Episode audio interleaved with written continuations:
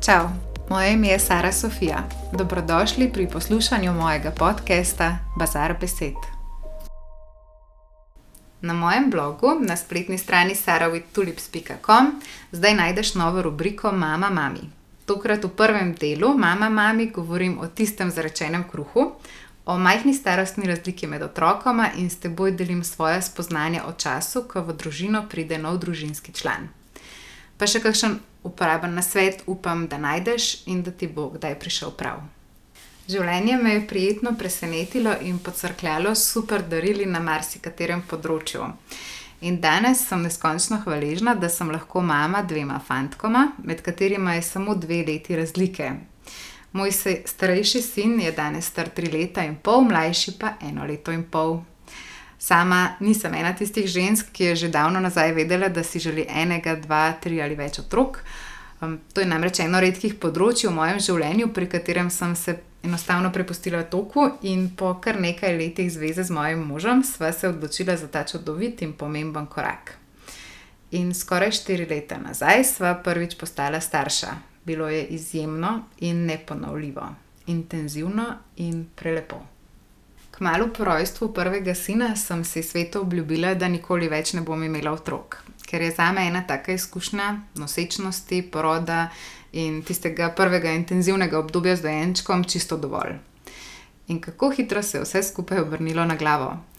Življenje z dvema otrokoma, z majhno starostno razliko, je za me zaenkrat še vedno zelo, zelo pestro. In vsi, ki jih poznam, in so sami to izkusili, mi pravijo, da bo kmalo vse lažje in da bom lahko veliko bolj uživala. Nisem ena tistih super mam, ki odlično kuhajo, mimo grede speljajo DIY projekt 2 ali 3. Nisem tudi najbolj potrpežljiva in sprememb se res težka oziroma zelo počasi navadim. Zato ti lahko iskreno priznam, da so me ob spoznavanju moje nove vloge, vloge mama, nenehno spremljali zelo mešani občutki. Pa še vedno je tako. In mislim, da ni potrebno poudarjati, da sem najbolj ponosna na svoje fante, da jo obožujem, da sem res zelo hvaležna, da sem lahko njuna mama, ker mislim, da vsaka izmed nas čuti enako do svojih. Rada bi le poudarila, da mi je ob spoznavanju te vloge veliko krat težko in ker ti to povem, mogoče tudi ti lahko ob tem čutiš olajšanje. Sama sem se namreč v težjih trenutkih pogosto srečevala z občutkom krivde, da je vse ok in da sem lahko res samo vesela, da sta zdrava in zadovoljna in da zakaj mi je v bistvu sploh težko. Pa kljub temu zavedanju vsaka mama ve, kako se počuti na tisti najbolj siv dan in teh občutkov zato res preprosto ne moremo pomesti pod preprogo. Je pa zato toliko bolj pomembno, da se o tem pogovarjamo in si med seboj sočutno prisluhnemo. Življenje mi je naklonilo še eno super darilo, prijateljice. Tiste, ki so že super mame, pa tudi cel kup zanimivih, ustvarjalnih, unikatnih žensk, ki bodo morda to še postale. V težkih trenutkih materinstva se prav nič ne prileže tako dobro kot pogovor z izkušeno in sočutno mamo ali dobro prijateljico, ki te tudi sicer v življenju spremlja in bodri. A veš, to je tista prijateljica, ki res nikoli ne zmanjka dobrih idej in predlogov, kako rešiti tvojo težavo. In res srčno upam, da tudi tebe obkrožajo take super ženske duše. Ko smo pa ravno pri nasvetih ali pa raje spoznanjih, bi jih pa nekaj rada delila s tabo, pa upam, da ti bojo kdaj v pomoč. Jaz sem sama se ob prihodu otročka, oziroma že prej obkrožila z ženskami.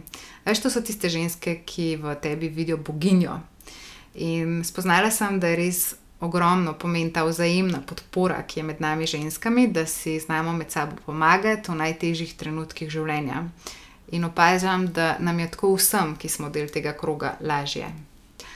Um, sama sem tudi spoznala, kako zelo je pomemben čas.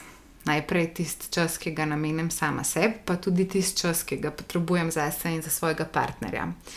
Po prihodu otroka je ta še bistveno večjega pomena. Um, in zato je pomembno, da se znamo v tem času dobro organizirati, se povezati s našimi starši, s taščo, tastom, zdaj, če kdo nima te opcije, tudi s kakšno poklicno varoško. Um, ampak ne, definitivno je to pomembno in da si naklonimo ta čas. Um, mame imamo tukaj večkrat težavo spustiti, tudi jaz sem imela težavo spustiti z nekim prepričanjem, da samo jaz vem, kaj je najboljše za mojega otroka.